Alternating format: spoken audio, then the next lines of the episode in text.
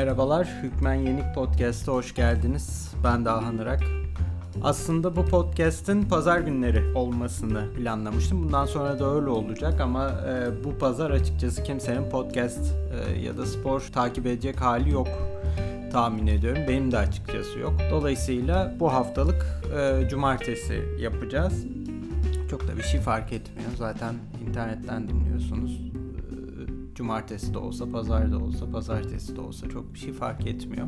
Bugün neden bahsedeceğiz? Bugün biraz kadınlardan bahsedeceğiz. Çünkü spor gündemine çok fazla tartışma geldi son dönemde kadınlarla ilgili. İki temel mesele üzerinden hareket etmek istiyorum. Bir tanesi Rafael Nadal'ın kim daha çok izleniyorsa o daha çok para alır. Erkeklerle kadınların eşit para almasını tartışmak bile saçma mealindeki açıklamaları.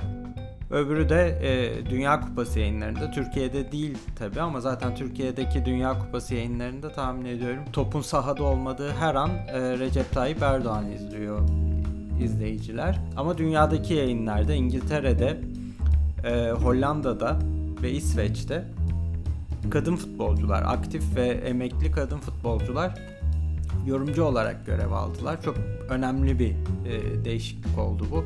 Özellikle Alex Scott ve Enya Luko, BBC ve ITV'nin yorumcuları çok da övgü aldılar. Enteresan e, görüntüler de oluştu. Onların performanslarıyla diğer yorumcuların performansları, erkek yorumcuların performansları arasındaki farklar üzerinden. Biraz bunlardan bahsedeceğiz. Kadınların e, spordaki yeri, sporda, spor dünyasında ve medya dünyasında kadınlara yapılan muamele. E, tabii ülkemizden de bahsedeceğiz. Can acıtıcı olmakla beraber. Nadal'ın açıklamalarıyla başlayalım. Şimdi Nadal kendince çok e, mantıklı bir şey söylediğini düşünüyor. E, pek çoklarına da mantıklı e, gelmiştir. Hani kim daha çok izleniyorsa tabii ki aslan payını o alır. Niye eşit ücret alınsın? Şimdi kazın ayağı öyle değil. Nadal burada ya düşünemiyor ya da kurnazlık yapıyor. İkisinden bir tanesi. Şimdi burada aslında çok ciddi bir politik tartışma söz konusu ve çok aslında politika felsefesine dair bir tartışma söz konusu. Eşitlikle adalet aynı şeyler midir? Eşitlikle adaletin aynı şey olmadığına dair bir görsel var. Tabi podcast'te göstermek mümkün değil ama aynı boyda olmayan insanların altına aynı boyda tabure koyduğunuzda eşitliği sağlamış olursunuz ama adaleti sağlamış olmazsınız. Boyu uzun olan diğerleriyle aynı boyda tabure aldığında diğerlerinden uzun olmaya devam eder. Biraz böyle bir durum söz konusu. Bu Rafael Nadal'ın uyguladığı mantık aslında liberalizmin e, temel mantığı. Herkese eşit fırsatı vermek. Ama herkes aynı noktadan başlamıyor. Asıl problem orada. E, genelde liberal mantıkta göz ardı edilen şey budur. Oysa ki insanlar ve toplumsal gruplar, sosyal sınıflar e, ve farklı kimlikler hayata aynı noktalardan başlamazlar ve aynı engelleri aşmazlar. Aynı e, eşit şartlarda yapılan bir yarış değildir bu. Kadın sporu ile erkek sporunu bu şekilde karşılaştıran her argümanda da aynı hatayı görüyoruz. İşte kadın e, futbolunu kimse izlemiyor. Kadın futbolu işte daha düşük seviyede oynanıyor vesaire vesaire. İşte bir kaleci probleminden sürekli bahsedilir ki yani erkekler Dünya Kupası'ndaki kalecileri görüyorsunuz. Hakikaten rezalet goller yeniyor. Yani o e, golleri kadın futbolcular yes, yese e, ertesi gün Spor filan videoları çıkar. Kadın da top oynarsa bilmem ne diye işte bizim e, cinsiyetçi internet siteleri. Şimdi işin şekli öyle değil.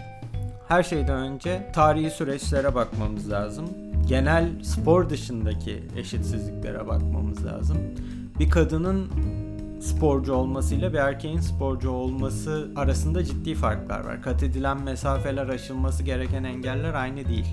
Yani en basitinden daha çocukluktan toplumsal cinsiyet rollerinin nasıl dağıtıldığına bakarsak zaten ciddi bir farkın oradan yaratıldığını görüyoruz. Kız çocuklarına ne verilir? İşte e, oyuncak mutfak, bebek vesaire hep eve dair roller. Erkeklere de top verilir, silah verilir. Silah meselesini ayrıca tartışırız. Bir ara zaten militarizm programı yaparız ama top kız çocuklarına verilen bir hediye değildir genelde. Hani bu bile başlı başına zaten hani sen sporcu olabilirsin, sen sporcu olamazsın ayrımını gösteriyor. Çok az aile vardır kızına sporla ilgili hediye alan. Ancak çok ciddi sporcu ailelerde e, bu oluyor. E, onun dışında zaten oradan bir yolun kapanıyor. Eğer kadın sporu olarak kabul edilmiş bir spor değilse tırnak içinde söylüyorum bunu.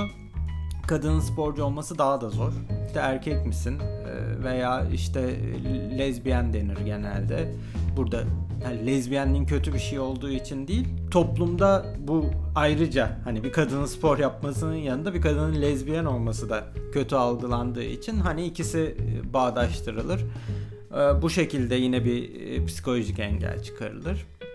Hani zaten eşcinsel bir sporcuysa zaten işi çok daha zor. E böyle olunca erkeklerin gittiği yol daha düz bir yol. Öbürü yokuş yukarıyken. Şimdi mesele orada bitti mi bitmedi. Hadi bunları açtınız bir şekilde sporcu oldunuz. Medya sizi gösterecek mi? Çok güvenmeyin ona. Erkeklerin medyada bulduğu yerle kadınların bulduğu yer aynı değil. Ve bunun nedeni Rafael Nadal'ın zannettiği gibi performans değil. Yani Rafael Nadal'ın temel argümanı ne? Bizi daha çok gösteriyorlar. Demek ki biz daha çok para kazanmalıyız. Söylemediği kısım şu. Neden bizi daha çok gösteriyorlar? Çünkü biz daha iyiyiz. O şöyle değil pek. Bir kere medya kuruluşlarının yapısı son derece erkek egemen bir yapı. Medyanın içinden gelen bir insan olarak söylüyorum. Herhalde medyadan daha erkek bir yer ancak kışla olur. E, hatta yani bazı ülkelerde kadın askerler de sayısı giderek artıyor. Türkiye medyası mesela tahminimce bazı ülkelerdeki kışlalardan daha erkektir. Çok az kadın meslektaşım oldu çalıştığım dönemde ki 10 seneden uzun çalıştım. Ve Eurosport bu konuya ciddi dikkat eden bir kanal olmasına rağmen. Böyle olunca kararları erkekler alıyor. Kimin ekrana çıkacağını erkekler belirliyor. Turnuvaları erkekler düzenliyor. Federasyonlardaki duruma ayrıca geleceğim. Karar alma mekanizmaları içerisinde o kadar az kadın var ki hani sanki böyle çok e, nesnel bir karşılaştırma yapıyormuş gibi davranmaya hiç gerek yok erkeklerin kendi çıkarlarına göre, kendi bakış açılarına göre, kendi dünyayı algılama biçimlerine göre, kendi toplumsal cinsiyet rollerine göre şekillendirdiği bir dünya, spor dünyası ve medya dünyası. Dolayısıyla kadınlara daha az şans verilmesine çok şaşırmamak lazım. E tabi bazı ülkelerde bunu gidermek için ciddi çabalar var. Fransa benim yaşadığım ülke olması itibariyle biraz da bilgim olması itibariyle örnek verebileceğim bir ülke. Fransa'nın RÜTÜ tabir edebileceğimiz CSA aşağı yukarı her sene bir rapor yayınlıyor. Kadınların spor alanında medyada temsiliyle ilgili. Belli anketler var. Mesela çoğu ankette hemen hemen %50 kadın sporları televizyonda yayınlanırsa izleriz e, cevabı veriyor. Olimpiyatta ve diğer e, kadınların yer aldığı müsabakalarda kadın sporları ekrana yansıtıldığında izlenme oranları hiç fena değil.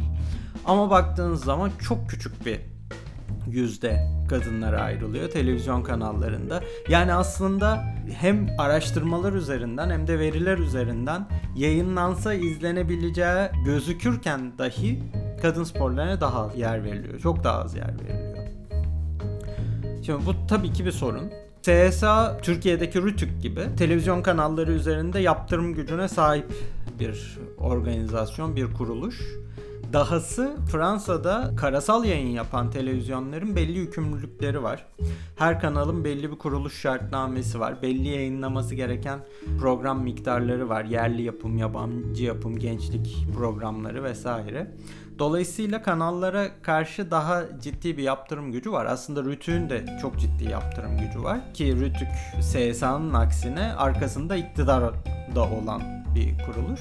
Ama zaten sorun da buradan kaynaklı. Arkasındaki iktidarın ne olduğunu bildiğimiz için hani Rütük'ün böyle bir çalışma yapmamasına şaşırmıyoruz tabi. Ee, zaten iktidarın bakış açısında aile dışında kadın var olan bir şey olmadığı için kadın sporlarının daha çok yayınlanması ile ilgili bir çalışma yapılmasına da çok gerek görmüyorlar kuşkusuz. Gündemlerinde olduğunu bile zannetmiyorum. Anca işte tenisçinin ayağı göründü filan diye belki ceza kesebilirler. Yani çok da günahlarını almayalım ama bakış açılarının bu olduğunu biliyoruz. CSA tabii öyle yapmıyor. CSA e, belli bir kampanya başlattı. Kadın sporunun dört mevsimi diye. Ve bu kampanyanın amaçlarından bir tanesi televizyonda kadın sporlarına ayrılan yerin arttırılmasıydı. Ve ciddi de başarı sağladılar. E, birkaç yıl içerisinde bir anda fırladı kadın sporlarına ayrılan yer. Kadın futbolunun Fransa'da popülerleşmesinin de bunda etkisi var. Onun dışında rugby e, yavaş yavaş kendini göstermeye başladı ki Fransa'da bazı şehirlerde futboldan daha popüler. Rugby özellikle güney şehirlerinde. Durum böyle olunca e, tabi belli sonuçlar alınmaya başlandı. Baktığımız zaman FIFA Kadınlar Dünya Kupası, UEFA Kadınlar Avrupa Şampiyonası, Şampiyonlar Ligi, Fransa Ligi bunlar e, düzenli olarak yayınlanıyor Fransa'da. Onun dışında başka sporlarda da işte Rugby Dünya Kupası, Kadınlar Dünya Kupası, Handball Kadınlar Avrupa Şampiyonası bunlar hep ilgiyle takip edildi. Bazı sporlarda ciddi gelişme sağlandı bu anlamda. E, Fransa'nın da bu sporlarda fena takımları yok. O açıdan da e, işleri kolay oldu. Ama tabii ciddi bir inisiyatif var. E, dolayısıyla bu eşitlikle adalet arasındaki fark. Eşitlik herkese aynı şeyi sunarsınız ama gücü yeten, kolu daha uzun olan ona uzanır. Adalet herkesin bir şekilde o pastadan pay alması için gerekli tedbirleri alırsınız. Şimdi Nadal'ın açıklamasına baktığımız zaman onun adalet kaygısının olmadığını görürüz. O tamamen iki tarafa da eşit koşullar verilsin. Bizim kolumuz daha uzun zaten götürürüz pastanın büyük kısmını kafasında. E, o da değişecek tabi zamanla. E, çünkü bir tenisin bir 40 yıl öncesine baktığımızda Billie Jean King öncesine baktığımızda çok büyük isimler olmasına rağmen çok daha kötüydü koşullar. Zaman değişiyor. Ee, tabii ki insanlık da değişiyor ama iyiye değişiyor ama kötüye değişiyor. Baktığımız zaman son 20 yıl içerisinde aslında 1968'den beri kadın hakları mücadelesinin çok ciddi kazanımları var. Spor alanında özellikle son yıllarda çok ciddi kazanımları var ama bir taraftan da giderek muhafazakarlaşan, giderek daha erkek egemen, daha e, güçten yana tavır alan bir dünya düzeni de var e, bu tarz liderler pek çok ülkede popülerler. Ciddi karşı çıkanlar da var tabi. Bu %50'yi yanına çekip %50'yi karşısına alma stratejisi e, pek çok ülkede işe yarıyor. Amerika tabi bunun son örneklerinden bir tanesi. E bir tane örnek de tabi Türkiye. Hatta yani en göze batan örneklerinden bir tanesi. Şimdi böyle olunca tabii toplumun ne tarafa gideceğini çok fazla çözemiyorsunuz. Biraz daha mı açık fikirli olur, biraz daha mı muhafazakar olur? Buna bunu çok bilemiyorsunuz ama e, bu hangi yöne gidileceğinin kararı kadınların e, hayattaki toplumsal hayattaki varoluşlarına da ciddi anlamda etki ediyor. İngiltere enteresan bir örnek. İngiltere'nin e, futbol ortamı, spordan futbol özeline girelim. İngiltere'nin futbol ortamı son derece maço bir ortam. Türkiye'dekine çok benzeyen bir ortam. Kadınların varlığına e, tahammül gösteremeyen pek çok futbol aktörünün olduğu bir ortam. Ama kadın futbolunun da ciddi bir yükselişi var ve bu yükselişte arkasında bulduğu da e, bazı önemli destekler var. Bunlardan bir tanesi medya. Her medya değil, gazeteler değil ama televizyon. Tabi İngiltere'de e, televizyonla ilgili şöyle bir algı var. BBC zaten biliyorsunuz kamu yayıncısı.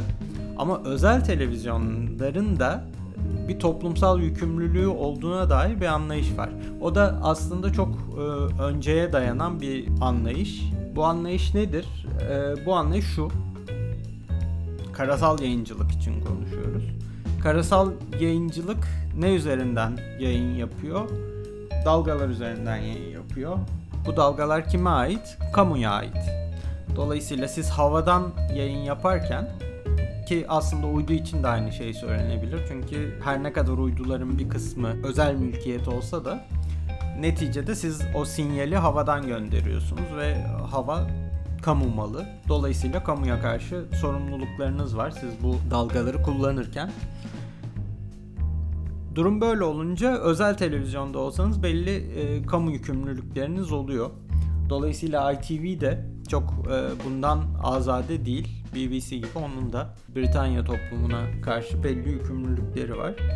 Bu anlayış tabi biraz daha e, adaletli bir e, yayın anlayışına yol açıyor. BBC ve ITV e, İngiltere e, milli takımının eski ve şu an hala oynayan iki önemli oyuncusunu yorumcu olarak kadınlar milli takımının iki oyuncusunu yorumcu olarak Dünya Kupası'nda erkekler Dünya Kupası'nda görevlendirdi. Enya Luko ve Alex Scott. Alex Scott zaten e, gazetecilik eğitimi görmüş bir isim. Enya Luko da bir avukat kadınlar futbolunda tabii erkekler futboluna kıyasla eğitim seviyesi ka- karşılaştırılamayacak kadar yüksek. Oyuncuların çok büyük bir kısmı üniversite mezunu. Tabii profesyonellik arttıkça bunda bir düşüş olacaktır. Erkeklerde de eskiden üniversite mezunu çoktu ama futbol artık o kadar çok zaman alan bir iş ki bu buna çok fazla imkan tanınmıyor e, öyle bir anlayış da kalmadı. Belki kadınlarda o anlayış terk edilmez. Profesyonellik iyice arttıkça e, daha eğitimli sporcular olur. Onu tabi e, zaman gösterecek. Ama iki sofistike insan gerçekten bu işi yapabilecek iki insan. Dahası e, kendisine verilen göreve tam olarak hazırlanmayı alışkanlık haline getirmiş iki insan. Bu insanların hayatta hep birden fazla yükümlülüğü oldu. Ya okudular ya çalıştılar futbolla beraber ya ikisini birden yaptılar. Aynı anda üç işi götürmeye çalıştılar. Bir kısmı bunları yaparken anne oldu. Ee, kadınlar futbolunda çok, kadın sporunda genel olarak çok aşina olduğumuz hikayeler bunlar. E böyle olunca tabii onların e, donanımları ve göreve adanmışlıkları yayınlarda fark edilmeye başlandı. Çok e, enteresan bir örnek. Eni Luko bir maç hakkında yorum yapıyor. Yanında da Patrice Evra var. Pat Patrice Evra hakikaten çok kötü bir yorumcu. İyi bir futbolcu ama kötü bir yorumcu. E, İngilizcesi çok iyi değil. Ki yani başka yabancı yorumcular da var. O çok bir sorun değil. İngiltere'de zaten çok sorun edilen bir şey değildir bu. Yanında Henrik Larsson var mesela. Onun İngilizcesi tabii çok daha iyi ama Fransa ile İsveç arasındaki dil eğitimi kalitesi bakımından Henrik Larsson'un İngilizcesinin iyi olması normal. Ama Patrice Evra aynı zamanda hiç hazırlanmamış. Yani o kadar beylik ve o kadar tahmin edilebilir yorumlar yapıyor ki yani herhangi birini alın koyun oraya o da yapar o yorumu. Enaluko bir pozisyonda, bir maçın bir noktasında, e, maç yorumunda, maç sonrası yorumunda uzun bir analiz yaptı. Patrice Evra son derece e, küçümseyici bir şekilde böyle bir ağzını burnunu büküp alkışladı. Hadi sen de futboldan anlarmışsın gibisinden. Yani yanında oturan kadının 102 tane milli maçı var. E, Dünya Kupası oynamış, Olimpiyat oynamış, Avrupa Şampiyonası oynamış. Ama işte e, bir noktadan sonra yine o erkeklik duvarına çarpıyor. Twitter'da ve e, diğer sosyal medya araçlarında yapılan bazı yorumlar hala korkunç. Yani hem Eni hem Alex çok iyi yorumlar yapmasına rağmen bu kadınların burada ne işi var? Onlar bu seviyede futbol oynamadılar ki. Ha bir de bu çok enteresan bir argüman tabi. Onlar bu seviyede oynamadılar ki argümanı. Onlar aslında bu seviyede oynadılar. Dünya Kupası oynadı ikisi de. Ama işte orada şu devreye giriyor. Onlar kadınlar Dünya Kupası oynadı. Aynı seviye değil. E o zaman zaten demek istediğiniz şu oluyor. Bir kadın hiçbir şekilde erkekler Dünya Kupası'na yorum yapamaz. Yani orada işin şekli değişiyor. Yani siz bunu e, ima ettiğiniz zaman aslında mesele o, hangi seviyede futbol oynadıkları ya da futbolu ne kadar bildikleri falan değil. Erkek mi kadın mı oldukları. Dünyadan haberi olmayan Patrice Evra'yı Enya Luko'nun üzerine koyuyorsanız zaten yani bunun başka bir açıklaması kolay kolay yok. Çok kontrast yaratan bir ikili çünkü. Çok da mesele etmedi. ne Enya Luko ne Alex Scott e, bu eleştiri de demeyeyim de işte bu argümanları. E, çünkü alışkınlar yani çocukluklarından beri kadın futbol oynar mı? Kadın futbolla ilgilenir mi? Ee, sen ne yapıyorsun? İşte zaten sizin oynadığınız oyun oyuna benzemiyor. Size yakışmıyor bilmem ne. Böyle büyümüş. Bu yaşa kadar böyle gelmiş. Bütün başarılarını da böyle bunlara bunlara rağmen elde etmiş insanlar. Dolayısıyla onları çok etkilemedi açıkçası. Ama yalnızca erkek olmanın nasıl bir hak etmenin yerini aldığı, nasıl liyakatin yerini aldığını da e, gösteriyor bu örnek.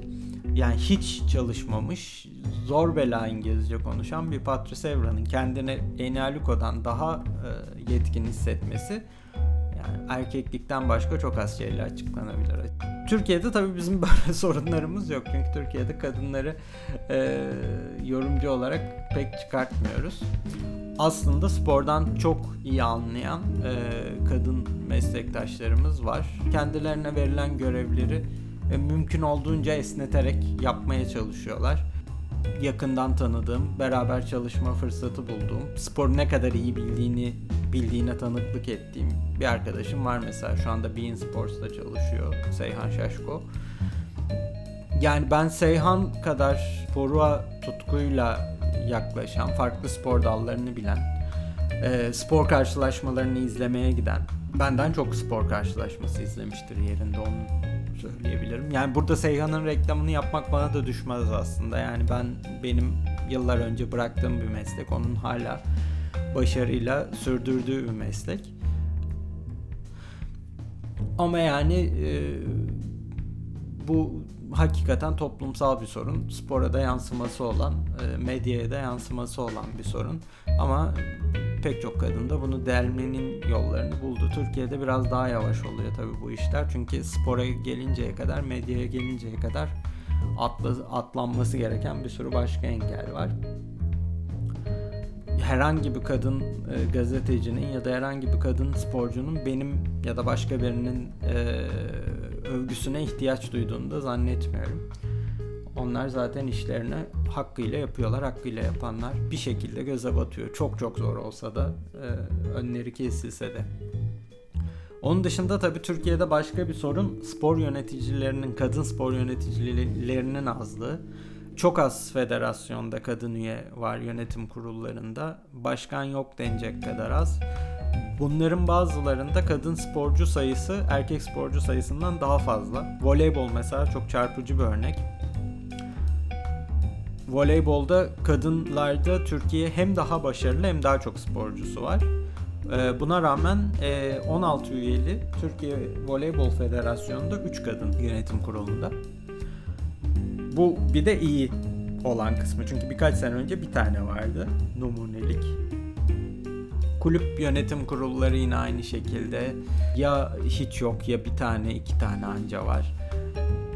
Yani böyle bir %50-50'ye yakın filan bir durum yok federasyonlarda. E, spor yönetimi böyle olunca tabii çok da değişmiyor bir şeyler. Ha burada tabii dikey ayrımcılığın da çok fazla olduğunu görüyoruz. Özellikle voleybol mesela dikey ayrımcılığın çok ciddi bir şekilde karşımıza çıktığı bir örnek. Dikey ayrımcılık derken neden bahsediyorum? Kadın sayısı fazla, kadınlar o alanda yer alabiliyorlar ama yükselemiyorlar. Voleybol böyle. Çok fazla sporcu var. Antrenörlüğe çıkınca çok düşüyor. Yöneticiliğe çıkınca neredeyse hiç yok. Yani belli bir noktadan sonrası tamamen erkeklere ayrılmış ve bu erkek egemen kafa o kadar da kabullenilmiş ki o kadar küçük yaştan itibaren empoze ediliyor ki bu normal algılanıyor. Voleybol pek çok spor dalına kıyasla daha erkek dile sahip Türkiye'de kadın sayısı çok daha fazla olduğu halde. Mesela e, futbol bile e, ki Türkiye Futbol Federasyonu'nda çalışan kadınların sayesinde oldu bu.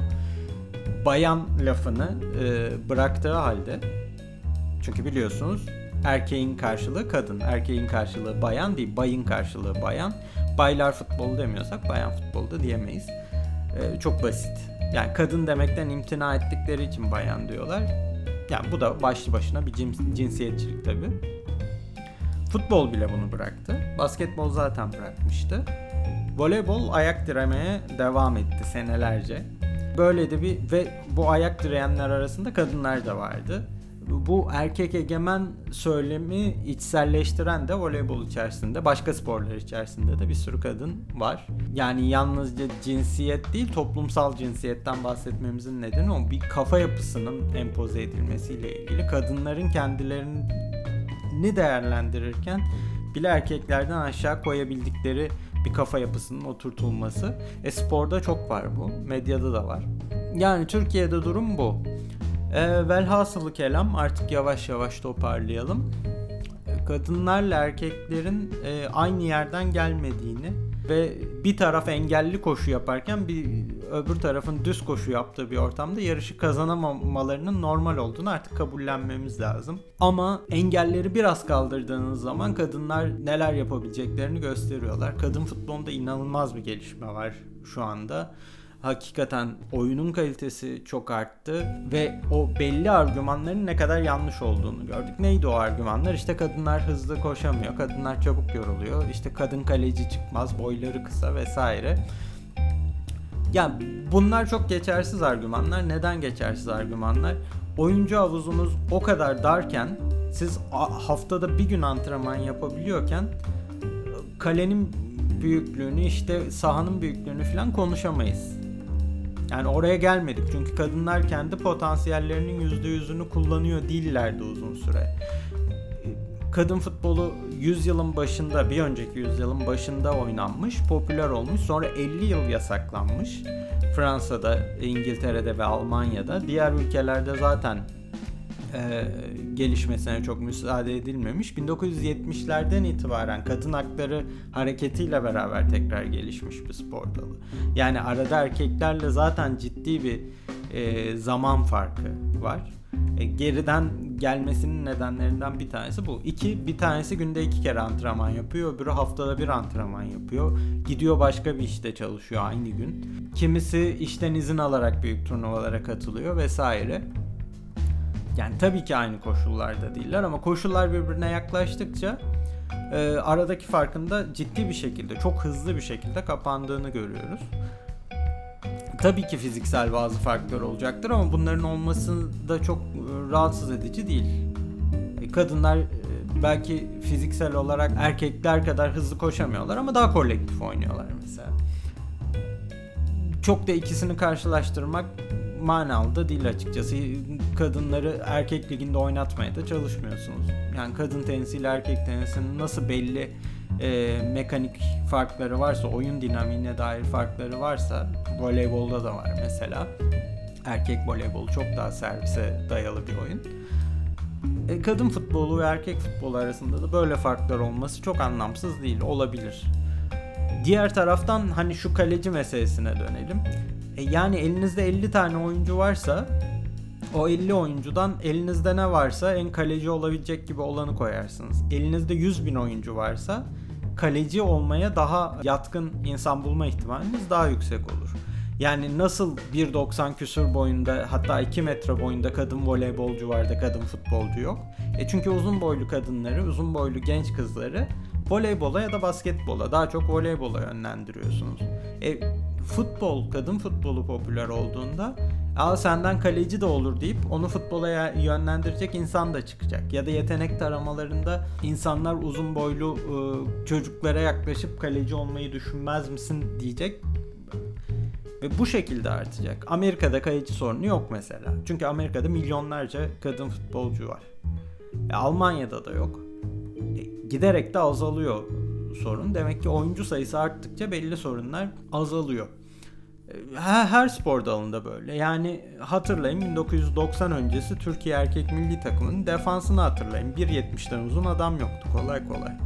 E ne zaman yetenek taramalarına önem verilmeye başlandı? Alpay Özalan gibi böyle 1.90'ı zorlayan kapı gibi defans oyuncuları bulmaya başladınız.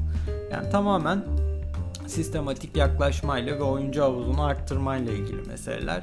Hani bunlar bile kadın erkek eşitsizliğini arttırmak için kullanılan argümanlar olabiliyor. E, niyet bozuk olunca tabi bilimsel olarak tersi kanıtlanabilir şeylere bile e, farklı anlamlar yüklemek mümkün oluyor. Kadın sporları ile ilgili hikaye tabii ki e, daha yarısı bile yazılmamış bir hikaye. çok daha gelişeceğini göreceğiz. Her geçen e, büyük turnuva, her geçen büyük şampiyona, her geçen yıl çok farklı şeyler getiriyor. Yıllar önce yani bundan 5 sene önce bile İngiltere televizyonlarında iki tane kadın futbolcunun erkek dünya kupası yorumlayacağını aklınız almazdı. Hatta e, çok iyi hatırlıyorum 2009 yılında Avrupa Şampiyonası'nı Kadınlar Avrupa Şampiyonası'nı anlattığımızda İngiltere yayıncı kuruluş bulmakta zorlanıyordu. Çok fazla maçı da verilmedi İngiltere'de. E şimdi BBC ile ITV birbiriyle kapışıyor. Kadın milli takımının maçlarını vermek için. İki tarafta da şimdi birer o vermedikleri, maçını vermedikleri takımın birer oyuncusu. İkisi de 2010 2009 kadrosundaydı. 9 sene sonra yorumcu olarak görev yapıyor. Para kazanıyorlar o kanallardan. Değişir. Yani sen ne değişir, ben ne değişir. Hepimizin e, katkılarıyla değişir. Toplum böyle bir şeydir. Bir şeyler e, yerinden oynar. Öbür türlü zaten insanlık olarak yüz binlerce yıl aynı şeyi yaşıyor olurduk. Bu haftalık bağlayalım. Haftaya başka bir konuyu konuşuruz. Teşekkür ederim dinlediğiniz için.